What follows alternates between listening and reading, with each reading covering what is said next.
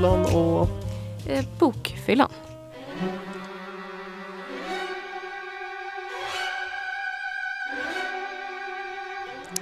Ja, just det. Bokhyllan och Bokfyllan lyssnar du på. Och eh, vi är ju programmet som eh, vrider och vänder på litteraturen åt alla håll. Och kvällens program kommer ju vara otrevligt och fördömande har vi tänkt. Hur låter det? Ja, vi har ju tänkt att vi ska hata böcker vi ogillar och eh, vi ber på förhand i ursäkt om att till eventuella författare. Vi hoppas verkligen att ni är döda författare för vi vill ju inte trampa er på tårna med Ja. flit. Och om ni lever kanske ni inte ska lyssna just ikväll. Nej, precis. Eh, det här programmet handlar ju om att läsa, men det här avsnittet kommer handla ganska mycket om att låta bli att läsa. Eh, vi kommer ta upp böcker och författare och genrer vi helt enkelt inte gillar. Jajamensan, det stämmer bra. Helt subjektivt. Ja, absolut. Det är, vi har ju ingen pretens på att vara objektiva i våra hat. Nej, verkligen inte. Så vilken eh, är den sämsta boken? Vilken bok vill du inte läsa igen? Micke? Eh, Ja, det finns eh, ett par stycken. Jag ju säga i tidigare avsnitt har vi pratat om Madame Bovary, Mm. Gustav Flaubert och det är en bok jag inte har någon vidare lust att läsa igen, exempelvis. Nej, då är vi två. Eh, sen så är jag inte så värst taggad på att läsa om eh, Mrs Dalloway av Virginia Woolf. Eh, inte för att jag direkt kan så här känna att eh, nej, den här boken är dålig utan mer för att så här, jag orkar inte, den, den var inte för mig. Och eh, jag vet inte riktigt ifall det är så himla mycket mer, alltså så här, man kommer ju säkert på saker senare, det känns som att det är det man alltid gör, att man så här, just den boken skulle jag ha sagt också, men eh, jag vet inte riktigt, vad, tycker du själv? Eh, rent spontant känner jag en bok som heter Vindens skuggor av Carlos Ruiz Zafón, en spansk författare. Eh, det här är en bok som på många sätt egentligen är väldigt vacker och jag vet många som tycker bra om den så jag får nog eh, jag har nog inte mycket medhåll eh, i det här men jag tyckte att den var ganska jag tyckte att den var väldigt pretentiös och ganska jobbig att läsa. Och sen Glaskupan är en fantastisk bok men man mår så dåligt när man läser den så jag vill aldrig läsa den igen. Ja. Någonsin.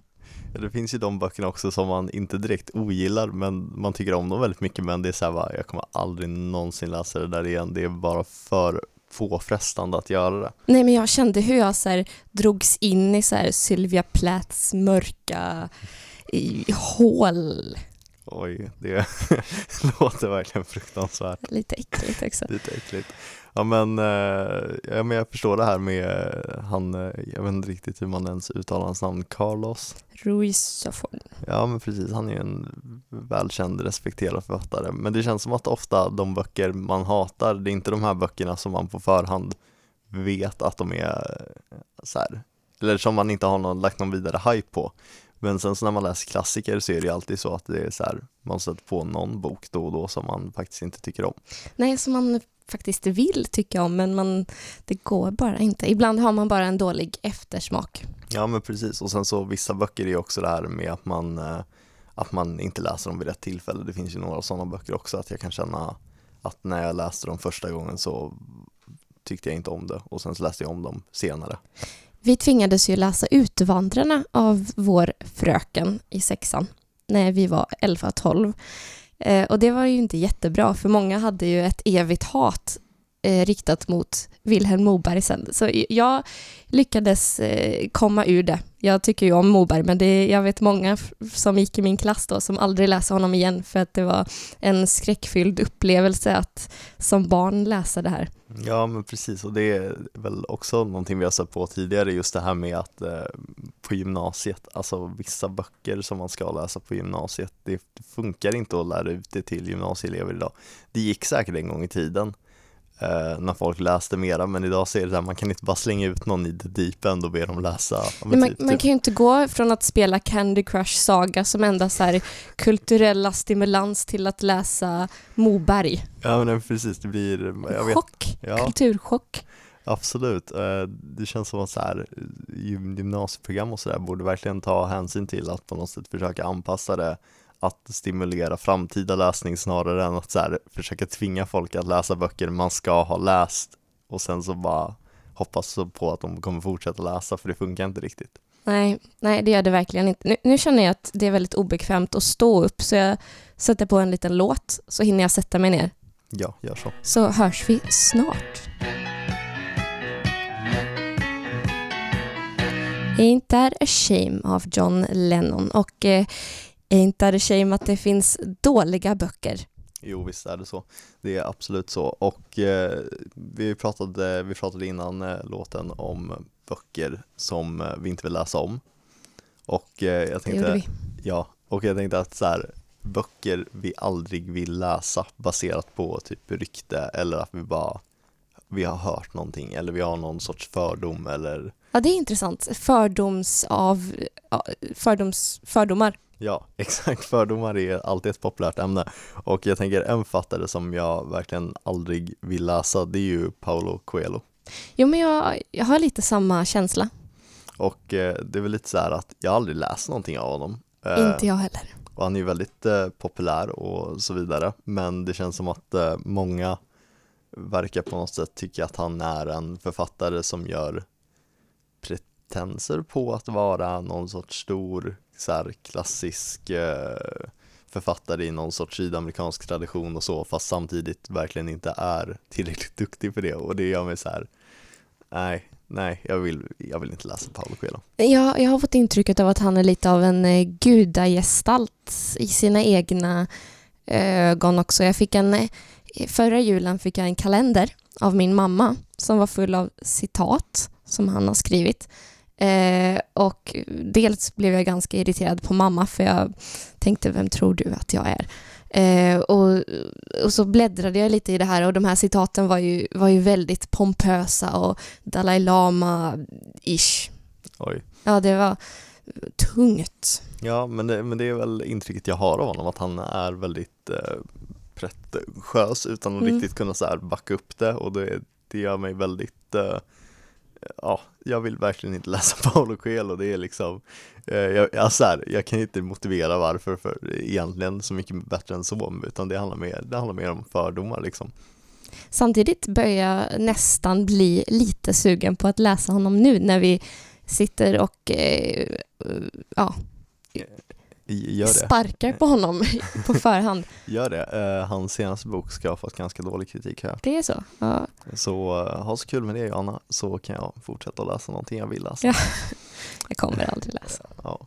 Men det finns definitivt fler böcker som jag känner att jag absolut aldrig någonsin skulle vilja läsa. Ett exempel är, återigen på tal om gymnasiet, jag minns att vi hade Eh, Eh, vi, vi, fick uppgift att läsa en bok men vi fick välja mellan några. Och eh, jag minns inte riktigt hur det var men jag för mig att jag valde att jag fick läsa eh, eh, Förvandlingen av Frans Kafka vilket var väl den första så här, klassikerboken som jag verkligen tyckte om och så. Och andra eh, människor i min klass fick läsa To the Lighthouse, eh, Mot fyren heter den på svenska. Mm, Virginia Woolf. Ja, exakt. Och dels så är jag ju, har jag ju läst Miss Dalloway och det var inte riktigt för mig, men To the Lighthouse ska ju på något sätt vara något så här överjävulskt experimentell stream of conscience eh, prosa och det gör att jag verkligen inte vill läsa den heller. Nej, jag, jag har läst några sidor i den. Vi pratade om det i vårt första avsnitt eh, att jag hade läst några sidor i, i just Motfyren och det var, det var inte jättelätt att dras in i den berättelsen. Nej. Nej men precis och det känns verkligen som så här, jag vet inte, toppen av så här, när modernister försöker göra det svårt för sig, lite grann som typ Finnegans Wake med James Joyce som är väl en så här klassisk bok som verkligen ingen någonsin vill läsa. Men jag hade ju en engelska lärare som tipsade om att läsa eh, Finnegans Wake så här att man har den på toa mm. och så läser man varje gång man är på toa. Och så kommer man igenom den. Det är, ja. det är för sig en, en ganska bra strategi att man liksom sprider ut det över lång tid och gör att man inte känner att man förlorar tid på att läsa den utan det är så här, ja, toaletten, om man inte läser någonting på toaletten så är det ändå bara tid du inte får tillbaka. Så, Nej, precis. Då kan man lika gärna eh, få i sig en klassiker. Eh, ja. ja, För de som inte vet så är Finnegans Wake en bok av James Joyce ja, och den är skriven i, eh, i ett eh, stream of conscious... consciousness? Eh, så kon- fan. ja, consciousness. Ja, conscious. Ja.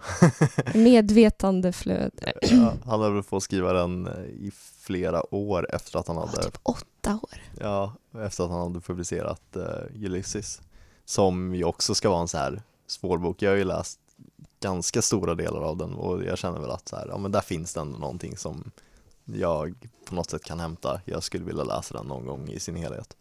Men eh, Finnegans Wake verkar ju bara vara Alltså James Joyce har ju själv sagt någonting i stil med så här, ja men typ jag har lämnat grejer i den här boken som kommer få typ eh, litteraturvetare och ja, de kommer att hålla på med den här boken i evigheter och det känns lite som en taskig attityd när man ska Ja, men folk spenderar ju år av sina liv åt att försöka lista ut vad den egentligen handlar om. Och den är ju skriven i en cirkulär form, om jag har förstått det rätt. Den börjar i mitten av en mening och slutar med början av den här meningen. Men man blir inte klokare för det. Nej, exakt. Och eh, ja, som sagt, återigen, det känns som att eh, Finnegans Way skulle jag väl kanske kunna tänka mig att läsa på toaletten eh, som du föreslog, men i övrigt känns det verkligen så här, en bok som är skriven för att vara typ jobbig att läsa känns inte riktigt som en bok man vill läsa. Ja, men jag tror, jag tror han gjorde det här för att jävlas. Ja men det känns lite grann som det, som Jag tror inte det finns någon mening i den. Han bara hasplade ur sig drömmar han hade haft om eh, hästar och sånt. ja väldigt så här, Bäckar och hästar. Och högt flygande, ja mycket så här vad jag har förstått, mycket typ ordvitsar och så här, man ska kunna tolka allting på olika mening och det verkar vara fruktansvärt jobbigt att läsa. Nej, den, den, ja, bara på toa. Och eh, sen så här på böcker som, eh, som man skulle kunna tänka sig, att eller som man gillar men verkar väldigt, som är alldeles för påfrestande att läsa om igen och sådär. Det är en bok jag inte har läst än, den har legat på min, bokhylla väldigt länge och det är ju Äcklet av Jean-Paul Sartre. Jag har också den på min bokhylla som något som eh, liksom hånar mig lite Ja för det, att den är oläst. ja, men det är så här, jag, jag köpte den i någon sorts här ungdomlig iver, jag läste Albert Camus Främlingen som jag tycker om.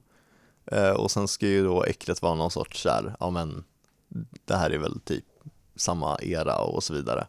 Men den verkar för himla deprimerande på något sätt, alltså det, jag har en polare som höll på att läsa den jättelänge och sa att det var så här jättejobbigt att läsa, han tyckte om den men rent allmänt känner jag återigen att där är på något sätt har den passerat gränsen så att jag inte orkar jag orkar inte ta tag i den, jag är inte, jag är inte så deppig person för att orka läsa igenom deppig litteratur hela tiden liksom. Man måste verkligen vara i ett väldigt happy place i sitt liv för att läsa vissa böcker.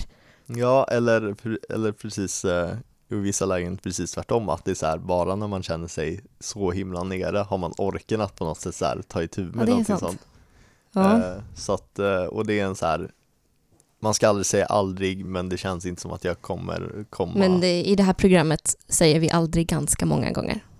det gör vi. I alla fall i det här avsnittet. Vad säger du? Du har läst Mein Kampf. ja, det har jag faktiskt gjort. Berätta. Eller jag har inte läst den, jag har lyssnat på den som en ljudbok. Det, åh, det låter lite groteskt på något vis. Det, det är något så trevligt över ljudböcker och att sen lyssna på Mein... Ja. Men jag brukar inte lyssna på ljudböcker men eh, jag vet inte, Mein Kampf eh, lyssnade igenom för att eh, när jag var yngre så var jag väldigt intresserad av eh, andra världskriget. Alltså väldigt intresserad, läst mycket böcker om andra världskriget. Det är och- som min pappa. Ja, eh, jag, jag känner att jag kanske var lite mer pappig när jag var yngre. Ja. Men eh, sak samma, så jag bestämde mig så här, men man kan, man kan läsa den, varför inte liksom? Det, det blir intressant att läsa om inte annat.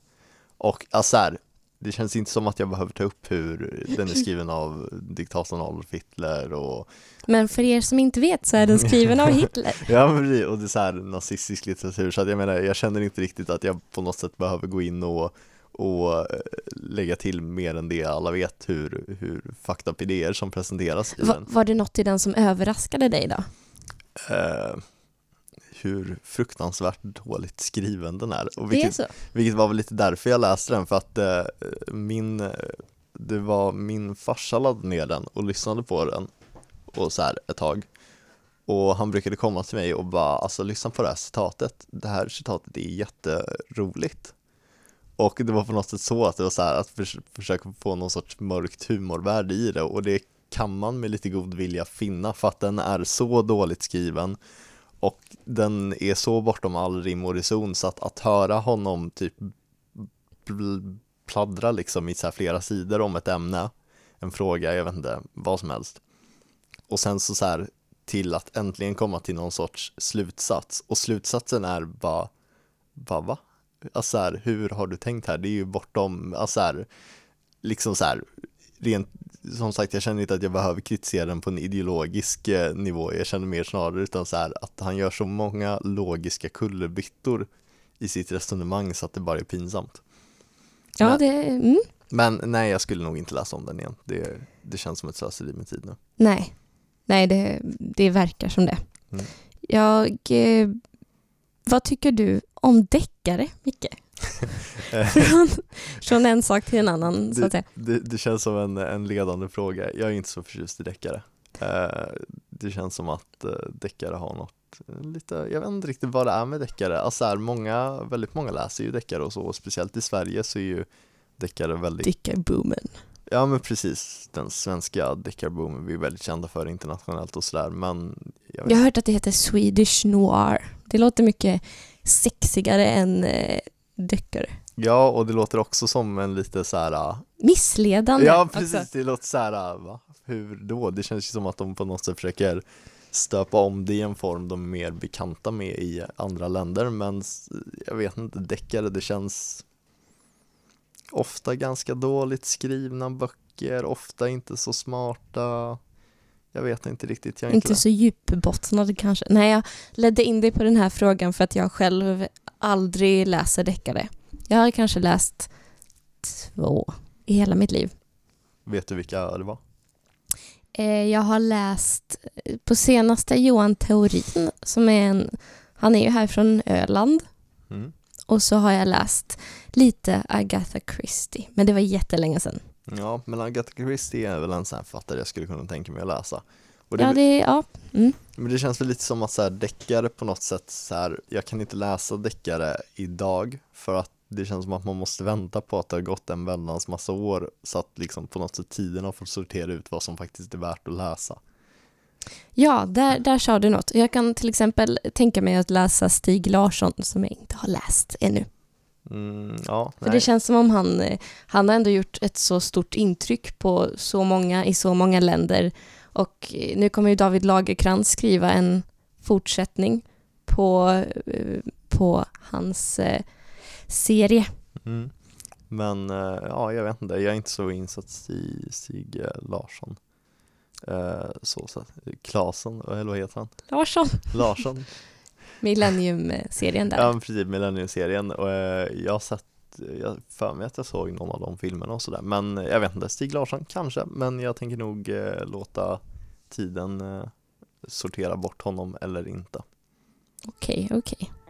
Släng ner nyckeln min fina och få mig av den här jävla gatan. Ja, eh, Shelley av Håkan Hellström. Eh, och eh, Shelley bara som bakgrundsfakta som eh, har ju lite referenser till poeten Shelley som drunknade i, i Italien han var en romantisk poet 1800-talet och var gift med den idag kanske lite mer kända Mary Shelley som skrev Frankenstein. Och hennes mamma skrev ju ett feministiskt manifest. Ja. Eh, Bra familj det här. Eh, Mary Wollstone Wollstonecraft. Ja, exakt så heter hon ja. Eh, och jag vet inte, Frankenstein, är det att räkna som skickligt? Nej, inte riktigt. Nej. Uh, jag vet inte, har du något input på Chicklit? Jag har en hel del inputs på Chicklit som är väldigt, uh, jag har lite blandade känslor inför det fenomenet. Rebecca Bloomwood, dress, Zac Posen, belt, Todd Oldham vintage, bag. Det här är en scen ur filmatiseringen av En shopaholics bekännelser av Sophie Kinsella. där går hon Rebecca Bloomwood med en latte och snubblande på höga klackar, lite neurotiskt och sexigt samtidigt i jakt på drömjobbet på ett magasin och i jakt på en man. Hon är snygg och hon kan inte hantera pengar. Det finns en hel del eh, böcker av den här typen i Chicklit-hyllan signerade bland annat Jane Green och Adele Parks. Det är en blandning av stundvis briljant humor med sexism som väver in sin läsare i fördomar om vad en kvinna är och ska vara och vill och ska vilja. Det är ganska tråkigt, inte sällan förminskande och samtidigt tyvärr oemotståndligt. Jag eh, är ju bara människa så jag dras ibland in i den här varma famnen av humor och lättsamhet där urstereotypa kvinnor möter urstereotypa män på de sista sidorna. Men samtidigt, i samma kategori möter man böcker om sexism, alkoholism, övergrepp, depressioner och dödsfall beskrivna med mänsklig värme och humor. Gina Davis sa en gång att hela Hollywood är baserat på antagandet om att kvinnor vill se historier om män men att män inte vill se historier om kvinnor. Samma sak kan man hårdra till kategoriserandet av chicklit. Böcker som inte har någonting med varandra att göra pressas ihop i samma hylla för att de handlar om kvinnor. Och det förstör ju hela det här inslaget om hatkärlek för genren eftersom den behandlas jätteslarvigt av jättemånga.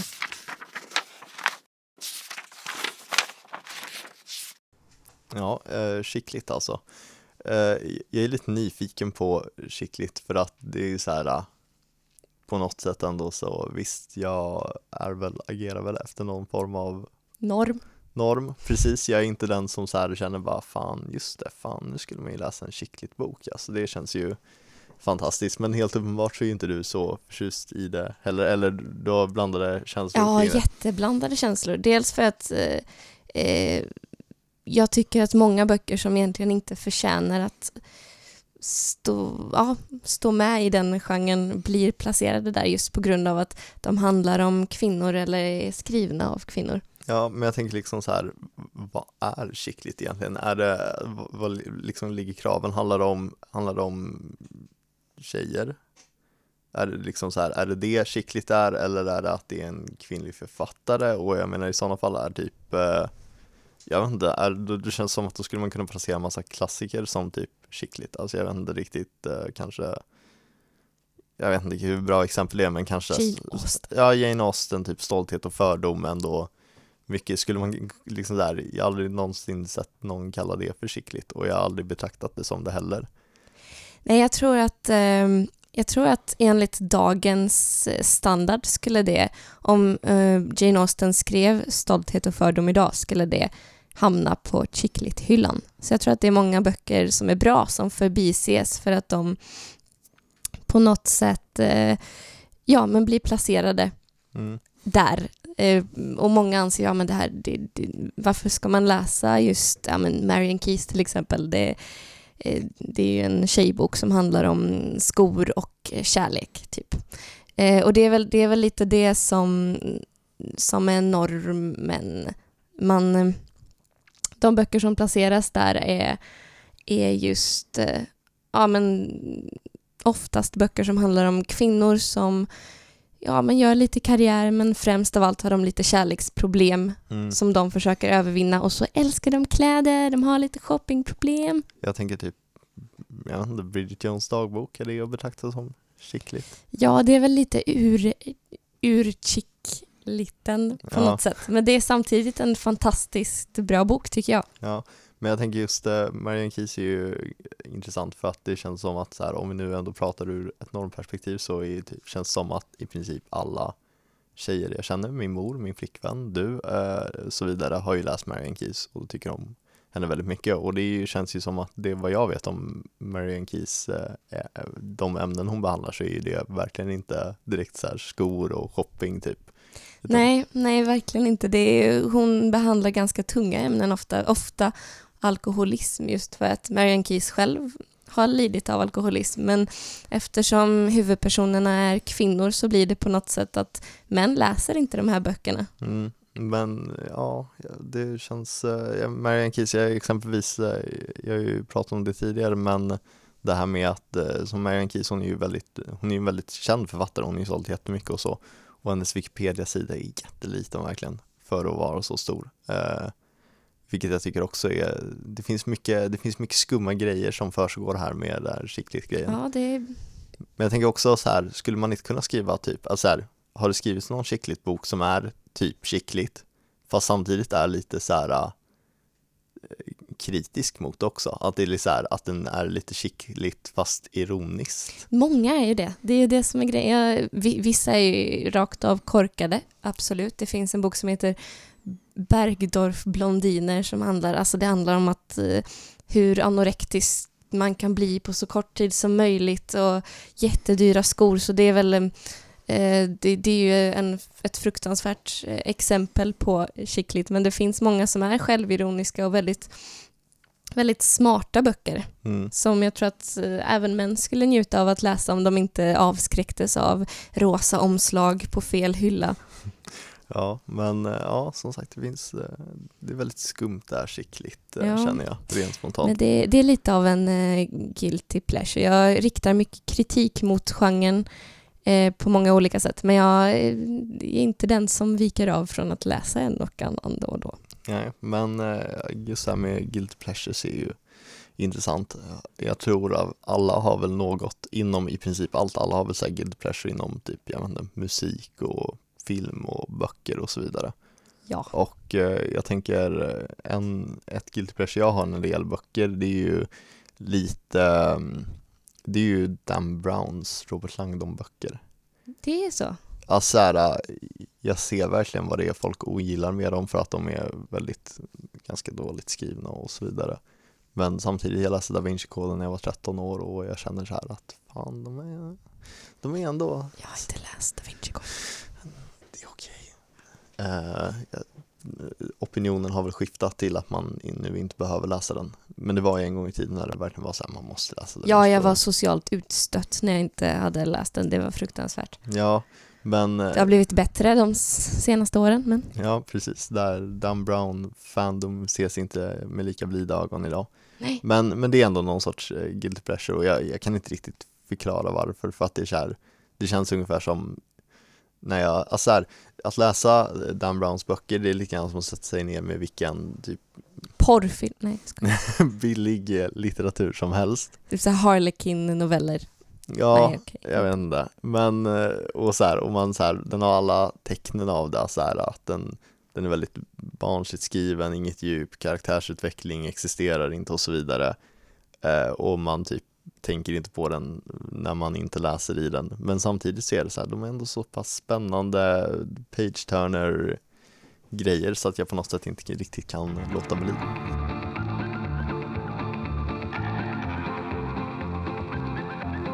Not fair med Lily Allen och vi tycker ju inte att det är fair att det finns böcker vi ogillar. Har du några nyheter, Micke? Eh, ja, det har jag. Eh, för det första så ska George Orwells eh, klassiska roman 1984 återigen bli filmatiserad enligt tidningen oh. Hollywood Reporter. Och det är Paul Greengrass som kommer stå för filmatiseringen och regissören har tidigare stått för två av delarna i Jason Bourne-trilogin, The Bourne Supremacy och The Bourne Ultimatum. Mm, det bäddar för action. Mm. Och det här blir den tredje filmatiseringen av 1984. Den senaste kom ut eh, just 1984 och eh, skådespelaren John Hurt spelade protagonisten Winston. Och eh, sen så har i veckan den amerikanska författaren Jonathan Franzen sagt att hans femte roman kommer att publiceras i september nästa år. Romanen heter Purity och kommer täcka generationer och kontinenter när vi följer huvudkaraktären Pip Tylers resa för att finna sin fars identitet. Låter inte det lite Paolo Coelho? Kontinenter och generationer. Ja, det låter väldigt ambitiöst om inte annat. Ja, där eh, sa vi det. Ja. Eh, och eh, Fransens föregående romaner Tillrättaläggande och frihet har ju sålt en bra bit över en miljon exemplar. Detta enligt New York Times. Ja men grattis Friendsen. Ja, men precis. bra jobbat. Vi önskar honom lycka till. Eh, och vi önskar er lycka till denna fredagkväll vad ni än ska eh, göra. Och vi hoppas att er helg, helgläsning inte blir så dålig. Nej, som, som vår dåliga läsning är ibland. Ja. Eh, ja, något sånt där. Ja, det här har varit Bokhyllan och Bokfyllan. Hej då!